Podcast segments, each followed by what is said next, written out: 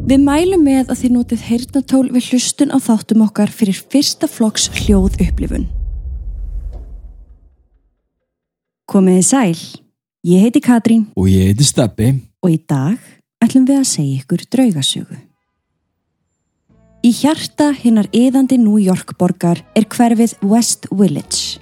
Þegar þú ráfar um þetta fallega svæði, víkja háir skíakljúfrar borgarinnar fyrir fallegum steinstiftum stígum og húsin eru öll svo liti gamaldags. Raðir af heitlandi brúnum múrstenshúsum með íburðamiklum járnhandriðum setja við gödurnar. Kaffihúsin dreifa úr sér út á gangstettar og gödulistamenn spila á hljóðfærin sín. En inn í þessu hverfi er eitt ákveðið draugahús og þegar við nálgumst það tökum við eftir því að það er gamalt og veðrað. Byggt úr rauðum múrsteinum og mun minna en húsin sitt hverju megin við það. Hvítur bogi er á framhliðinni með munstri sem gefur manni þá tilfinningu að eitt sinn hafi það verið glæsilegt. Tveir litlir þakgluggar rýsa síðan upp úr þakinu eins og tvö augu sem fylgjast með öllum þeim sem ganga framhjá. Andrúmsloftið þarna inni er aðlaðandi en á sama tíma órólegt. Vinnröður viður, dauf ljós í hornunum og brakandi viðargolf. Flögtandi kertaljós á borðum varpa dansandi skuggum á fölnuð málverkin sem verðast fylgjast með þér um leið og þú gengur inn og lyktin þarna inni er þykk af leðri, mat og víni. Þarna inni halda sig að minnstakosti 20 andar sem kvísla sín á milli á meðan gestir setja og snæða. Þeir gefa frá sér kulda, þeir banka á veggi og byrtast starfsfólki í speglum þegar þau síst eiga von á. Þetta er staður þar sem fortíðin neytar að gefa undan. Veri velkomin á þennan glæsilega veitingastæði New York borg sem er einni talin vera svo reymdasti. West Village veitingahúsið.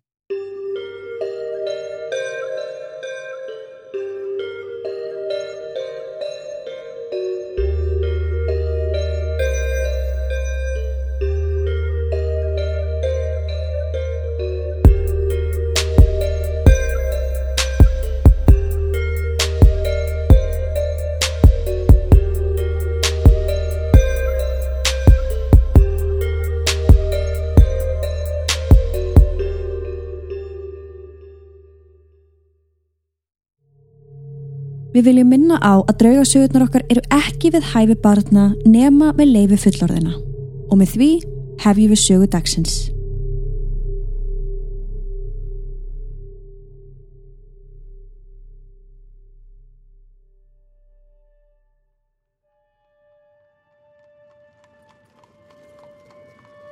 Grunnurinn af þessu húsi var byggður árið 1767 þegar gödurnar í New York voru ennþá fullar af hestvögnum.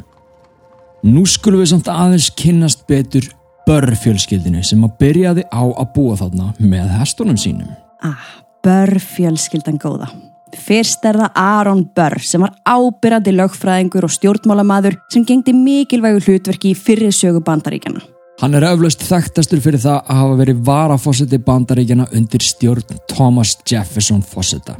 Eiginkona hans hétt Theodosia Bartow Prevost. Hún var stóð hans og stytta í lífinu. Nema, hún deyr síðan úr magakrabba minni þann 18. mars árið 1794 aðeins 47 ára gömul og það var hrikalegur missir fyrir Aron. Hann brotnaði alveg gjössamlega niður og sagt er að hann hafi aldrei jafnað sig fyllilega eftir fráfallennar. En saman áttu þau eina dóttur sem hann þurfti núna að sjá um einn eftir að eiginkona hans var nú látin. Dóttir þeirra hafði verið skýrð í höfuðið á móður sinni, Theodosia, og var hún eina barn þeirra hjóna sem lifði af. Hún var fætt 1783 þannig að hún var 11 ára þegar mammina dó. Já, hún var ekki aldrei. Nei.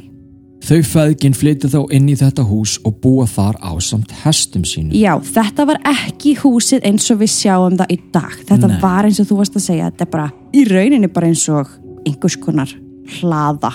Já, og það var í rauninni einhvers konar svona girðing fyrir og aftan. Mm Þetta er ekkert eins og þetta er í dag. Nei. Allstaðar er talað um að þessi feðgin hafi verið rosalega náinn en það áttu þau bara hvort annað að. Aron dáðist að dóttur sinni. Hann var hennar stærsti ádándi og talaði ofinberlega um hversu greint hún væri. En þessi nánd sem að ég gerir mér ekki alveg grein fyrir hvort það hafi verið ósæmileg eða ekki fór afskaplega ítla í ákveðna aðila og þá aðalega þá sem voru keppinautar hans í stjórnmálum. Já. Þannig að það fólk tók sér saman og hjælt úti þessum kæftasögum um að það væri eitthvað meira á milli þeirra feðgina en eðlilegt þótti. Eftir því sem hún varð eldri, meira ábyrjandi svona í samfélaginu, þótt hún vera afburðagreind með mikinn sjarma og þegar hún var fullorðin þá giftist hún auðvugum sjómanni. Svo líklegast þykir okkur að þetta hafi allt saman bara verið sögusagnir búnar til engöngu til þess að skemma fyrir Aron og hans pólitíska ferli. Ég held það líka. Þau áttu bara ofbústlega gott samband eins og þú sagðir þau áttu bara hvort annað að. Það var Þau- engin annar. Nei, þannig að ég held þetta hafi allt saman bara verið planað, bara reynd að koma ítlu orðspori á Aron. Já, og það er bara eitthvað sem að týðkast ennþann dag í dag. Já.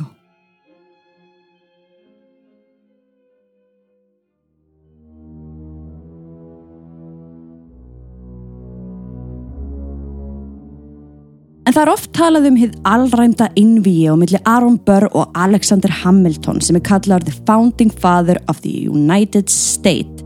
Það talað um sérst, að þetta allræmda innvíi hafi verið að einhverju leiti út af þessum sögursögnum.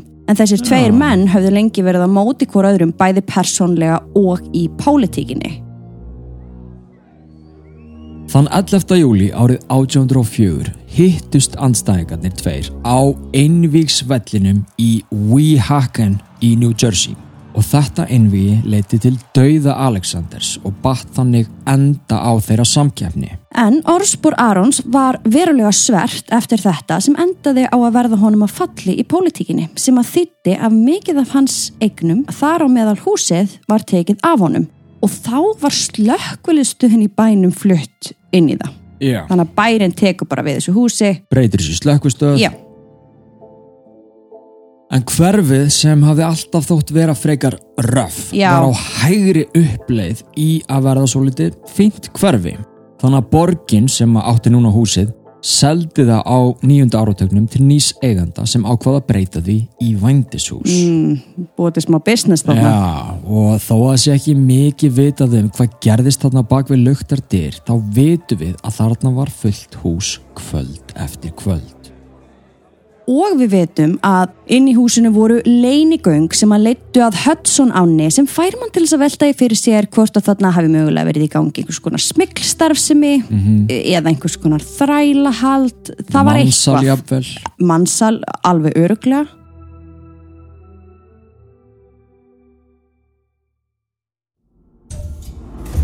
Mystík er crime podcast sem við hjónin höldum úti sem fjallar um dularfull og skrítin mál.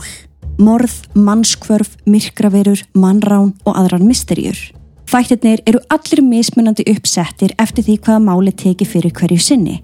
En ef þú hefur gaman að true crime og öllu því skrítna og undarlega sem er að gerast í heiminum, þá skaltu prófa að hlusta á þessa þætti. Þú finnur Mystic podcast á öllum helstu hlaðvarpsveitum og nýjir frýjir þættir koma út annarkvæð 50 dag klukkan 12 á hádegi. En ef þið langar í meiri Mystic í lífið, þá bjóðum við upp á áskriftarleið. Þú getur skráð þig á tvenna vegu. Annars vegar getur þú leitað að Mystic áskrift hér á Spotify og skráð þig beint í gegnum það. Eða þú getur farið inn á patreon.com skástrík Mystic podcast og skráð þig þar. Sama áskriftalegin á sama verði, bara tveimur mismunandi stöðum til þess að koma til móts við þarfir hlustenda. Í henni færðu nýtt mystikmál í hverri viku pluss þessa fríu sem við gefum út svo í heldina færðu sex þætti á mánuði. Við setjum linka í sjónót sem þú getur skoðað eftir að orkun að hlusta. En núna skulum við halda áfram með söguna. Árið 1910 var húsinu breytt í kveikmyndahús sem síndi svona silent films eða þögglar myndir. Já. Og þannig starfaði það alveg til ársins 1973 þegar þarna var opnaður veitingastæður sem fekk þá núverandi nafsitt sem er tilvitnun í frækt ljóð eftir Henry Longfellow sem var og er enn virt skáld í amerískri sögu. Já, þannig að veitingastæðurinn heitir One if by land, two if by sea. Já. Það er nafni á veitingastæðunum en hann er líka alveg kallaður West Village veitingahúsið, svona smá stytting. Já, þetta er eitthvað svona ameríst one if by land, two if by sea ég veit ekki hvort að þú veist, kannski var einhver sem myndi kalla veitingastæðin aðgátt skalhöfði í nærveru sálar eða eitthvað. I don't know, einhvers konar já. vitnum en svo heitir þetta bara, þú veist, gamli barinn eða eitthvað. En þökk sé óvenjulegri matagerð og rómatísku umhverfi var þetta veitingahús fljótt af þeim vinsalistu í New York. Og til gamans má geta að það er sagt að þetta sé sá staður þar sem flestir trúlofa sig á. En þá er komið að því yfir náttúrulega. Jú, veitingastæðurinn á sér vissulega ansi mikla sögu, það hefur farið á milli manna og þjónað alls konar tilgangi, en af hverju er það talið vera reynd? Áður en við skoðum hvað draugar það eru sem halda sig þarna, þá skulum við fara yfir atvik sem að starfsfólk og gestir hafa talað um að hafa upplefað þarna. Skulum byrja á starfsfólkinu.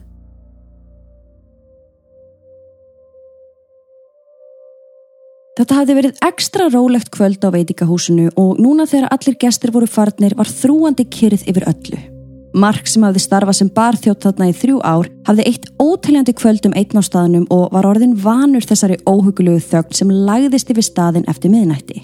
En honum fannst samt eins og það væri ekki allt alveg eins og það átt að vera þó hann hafi ekki getað fundið út nákvæmlega hvað það var. Á meðan hann þurkaði af barborðinu þá leið honum allan tíman eins og einhver væri að fylgjast með sér en hann vissi mæta vel að hann var þarna einn. Hrollur lættist að honum þegar hann leiti kringum sig á myrkrið sem umlugtan. Honum þótti alltaf örugara að hafa ljósin í sem legstu byrtu þegar hann var þarna einn svo að enginn kemi inn á staðin haldandi að hann var í opin. En núna fannst honum það óþægilegt. Hann leggur tuskuna frá sér og gengur bakvið inn í eldúsið en um leið og hann stígur þangað inn þá slöknast ljósin og svarta myrkrið gliftan á aðeins örfáum sekundum. Honum brá, en hann vildi ekki panika, svo hægt og rólega þreif hann sig áfram meðfram innréttingunni til þess að ná í vasaljós sem hann vissi að væri undir vaskinum. En þá allt í einu heyrir hann fótatak. Það var einhver með honum inn í eldúsinu. Líkaminn hans spendist upp þegar adrenalínið kikkaði inn og hann var viðbúin að taka á rás, en raukhugurinn reynda róan. Kanski var þetta ekki fótatak sem hann heyriði. Það var eiginlega ómögulegt af því að húsi var tómt. Hann stóð stjarfur í nokkrar sekundur og hlustaði. En núna heyrði hann ekki neitt. Svo hann dróð djúftin andan og hjælt áfram að fikra sig að vaskinum þangar til hann náði taki á vasaljósinu og kvikt á því. Dauf byrtan frá því lísti upp herbergið en Mark fann fyrir því að hann skalf alveg óstjórnlega. Hann var hrættur en hann vissi ekki alveg við hvað. En svo sér hann mann standa í horninu við hurðina sem hann hafði komið í gegnum. Hann var frekar lágvaksinn, dökklætur en andlitið á honum var brenglað einhvern veginn. Eins og augun og nefið væri á vittlusum stað en hann sá greinilega að maðurinn brosti til hans hæðnislega. Mark byrjaði að bakka frá honum en hugur hans var á fullu að reyna að finna út úr því hvernig hann kæmist fram hjá honum og út um dyrnar án þess að hlaupa beint í fangið á þessum óbána gesti. En svo fór herbergið að kóluna og andrúnsloftið var orðið svo þungt að Mark leið eins og hann næði ekki andanum. Hann rasaði um kúst sem lá upp við innréttinguna og á því augnabliki mistan vasaljósið í gólfið og ljósið kvarf. Svo finnur hann hvernig einhver tekur utanum axlirnar á honum og byrjar að þrýst honum niður eins og sá sem væri að gera það væri að neyðan til þess að setjast á gólfið. Styrkurinn var ómannlegur, svo Mark gæti ekki annað gert en að gefa undan og áður en að vissi af var hann komin niður á magan með andlitið ofan í gólfið og ennþá hjælt maðurinn áfram að þrýst honum niður. Þá geti Mark leið eins og hann væri að fara að deyja. Þá byrjar hann að öskra og hann hætti ekki. Hann öskraði aftur og aftur á meðan hann barðist við mannin í myrkrinu en þá allt í einu er eins og maðurinn slepp honum. Loftið verður eðlilegt og ljósinn kvikna. Mark rauk upp án þess að hugsa eina markmiðið hans var að komast út af staðnum svo hann hleypur út úr eldúsinu með fram barnum og út á götu þar sem fólk var að ganga framhjá. Hann var samt ekki með liklana á sér svo hann vildi ekki loka hurðinni og læsa sig þannig úti. Hann vissi hann er það að fara inn aftur og ganga frá, ná í dótið sitt og læsa. Hann beigði hálf tíma fyrir utan staðin og manaði sjálfan sig í að fara inn. Þegar hann loksins gerði það, byrjaði hann varfærnislega að skoða sig um. Vissum að maðurinn væri að fela sig og myndi stökkva á hann hvað og hverju. En það var enginn sjáanlegur.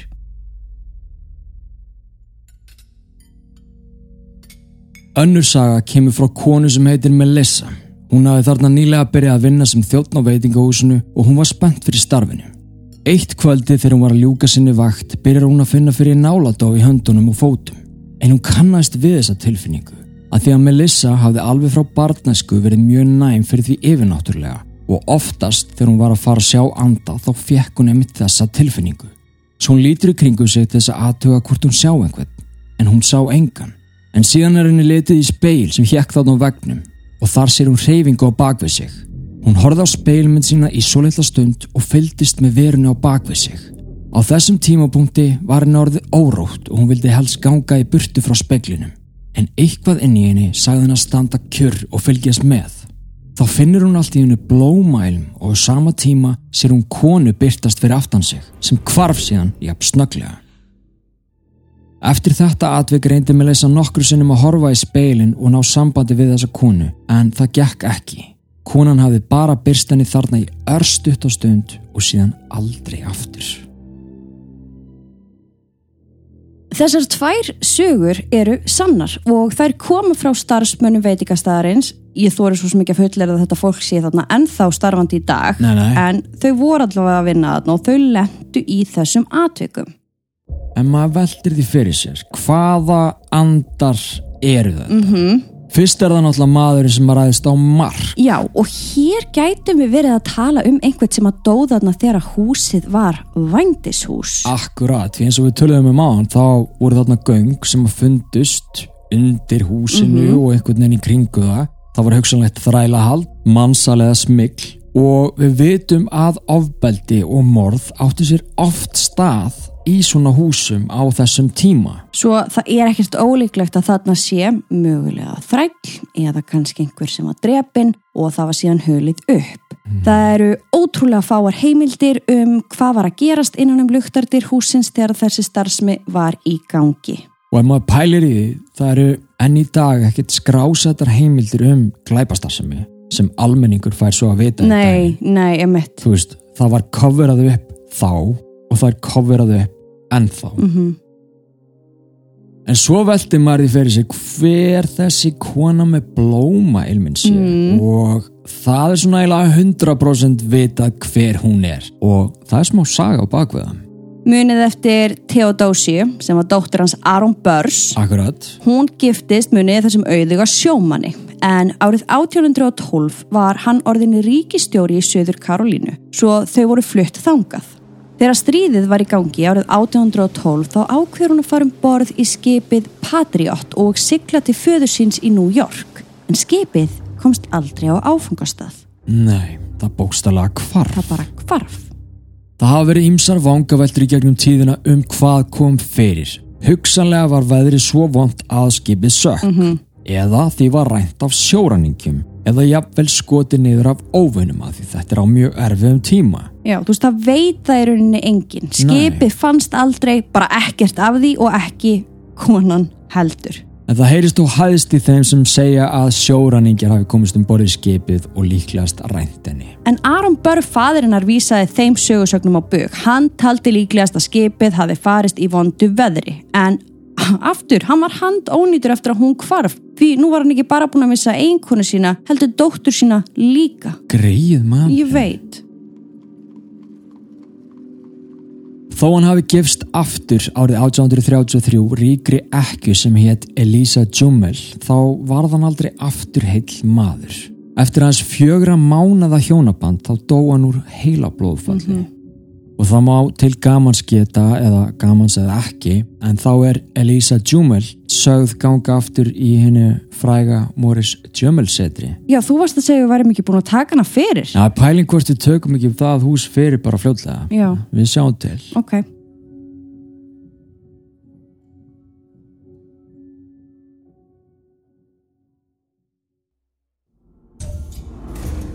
Þorir þú að kanna myrkri sem liggur handan hölunar?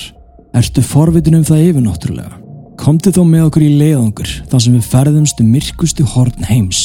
Hver þáttur mun flytja inn í aðra vitt þar sem heimur okkar lifandi mætir heimi þeirra látni. Við erum búin að vinna linnulaust að því að flétta saman ógveikjandi sögur handi ykkur og með fyrsta flokks hljóðgæðum sköpum við andrumsloft sem mun halda þér á tánum. Hlustaðu á Draugasögur podcast á þinni hlaðvarsfreitu annarkvæmt föstudag eða ef þú þorir skráðu þið þá í áskrift á patreon.com skástrygg draugasögur eða á Spotify. Við setjum link í notes og með tveimur smellum ertu komin inn. Í áskriftinni færðu draugasögur alla miðvíkudaga og mínisögur á mánudögum.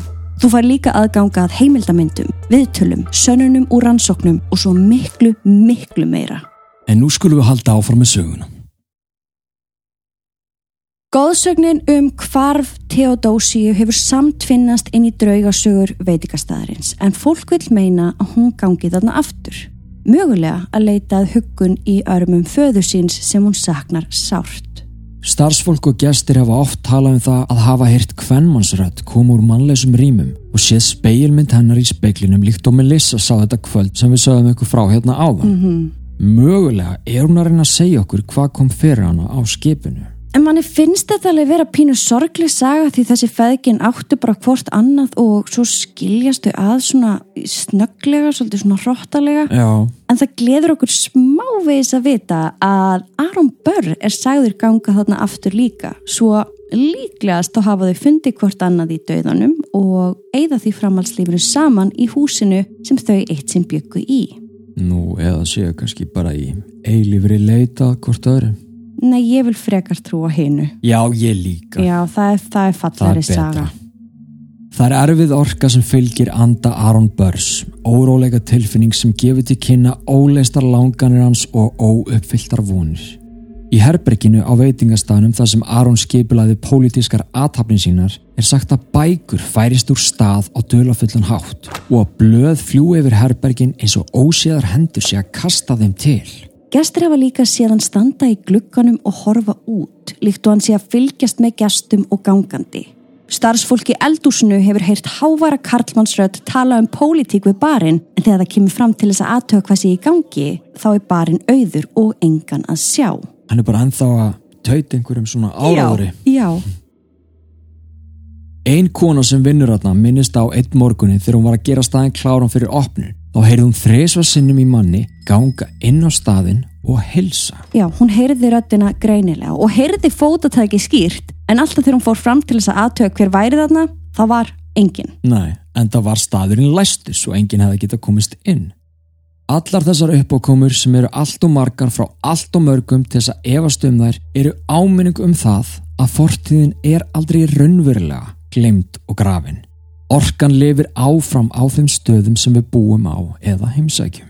Og þetta finnst mér bara svo mikilvægu punktur. Það er svo harriðt að hafa bara alltaf í huga. Þú veist, við erum svo sjálfhverf stundum. Þú veist, og, þetta er bara mitt hús og hér er ég og við áttum okkur ekki á því að á þessu landi, á þessum stað, í þessu húsi var líka annað fólk sem átti líka jafn stort líf og þú. Einmitt, og hugsaði það nákvæmlega sama. Akkurat, þetta er svo merkilegt. Já. Hér rétt í lokin ætlum við að segja ykkur frá svartklættu konunni sem að sérst hefur til á veitingastaðnum og með hjálp paranormal rannsakanda sem hefur rannsakastaði nokkru sinnum er loksins komin smá mynd á það hver þessi kona gæti hafa verið er hún livði. Það er ekki alveg vita hvaða ár þetta er að gerast en líklegast þegar þetta var starfandi væntisús. Þar starfaði ótrúlega falli kona sem var eins og vinsala staðum öllum. Hún var ávalt klætt í svartan kjól með svart hár sem náði langt aftur á bak. Eitt kvöldi þegar hún er að ganga niður stegan og gestirnir fylgjast með henni þá stýgur hún á kjólinn svo henni skreikar fótur með þeim afleðingum að konan dettur, rúlar niður stegan og brítur á sér hálsin. Hún dó á augabræði fyrir framann allt þetta fólk. En þrátt fyrir að hún var í dáin heldur kollegarinnar og gestir áfram að finna fyrir henni. Fólk sá glitta í kjólennar og það er talað um að stundum á kvöldin ef það er einstaklega rólegt á veitikastannum þá megi heyra öskur hennar ekko um húsið líkt og atbyrðurinn sé að eiga sér stað aftur og aftur.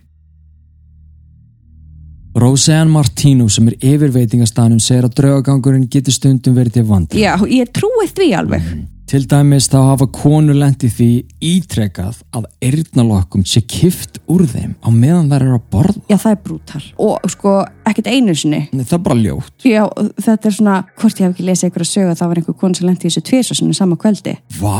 Rifin úr henni eirnalokkurinn og hún setur hún alltaf aftur í og aftur rifin. Já, það er brútal. Já, myndir eru líka detta veggjum, uppþóttavel og þvottavel fara í ganga sjálfu sér eða bila óvenjulega oft og hún tala líka um að starfsfólk hefur lendið því að vísa fólki til borðs sem var síðan ekki eins og á staðum. Mm -hmm.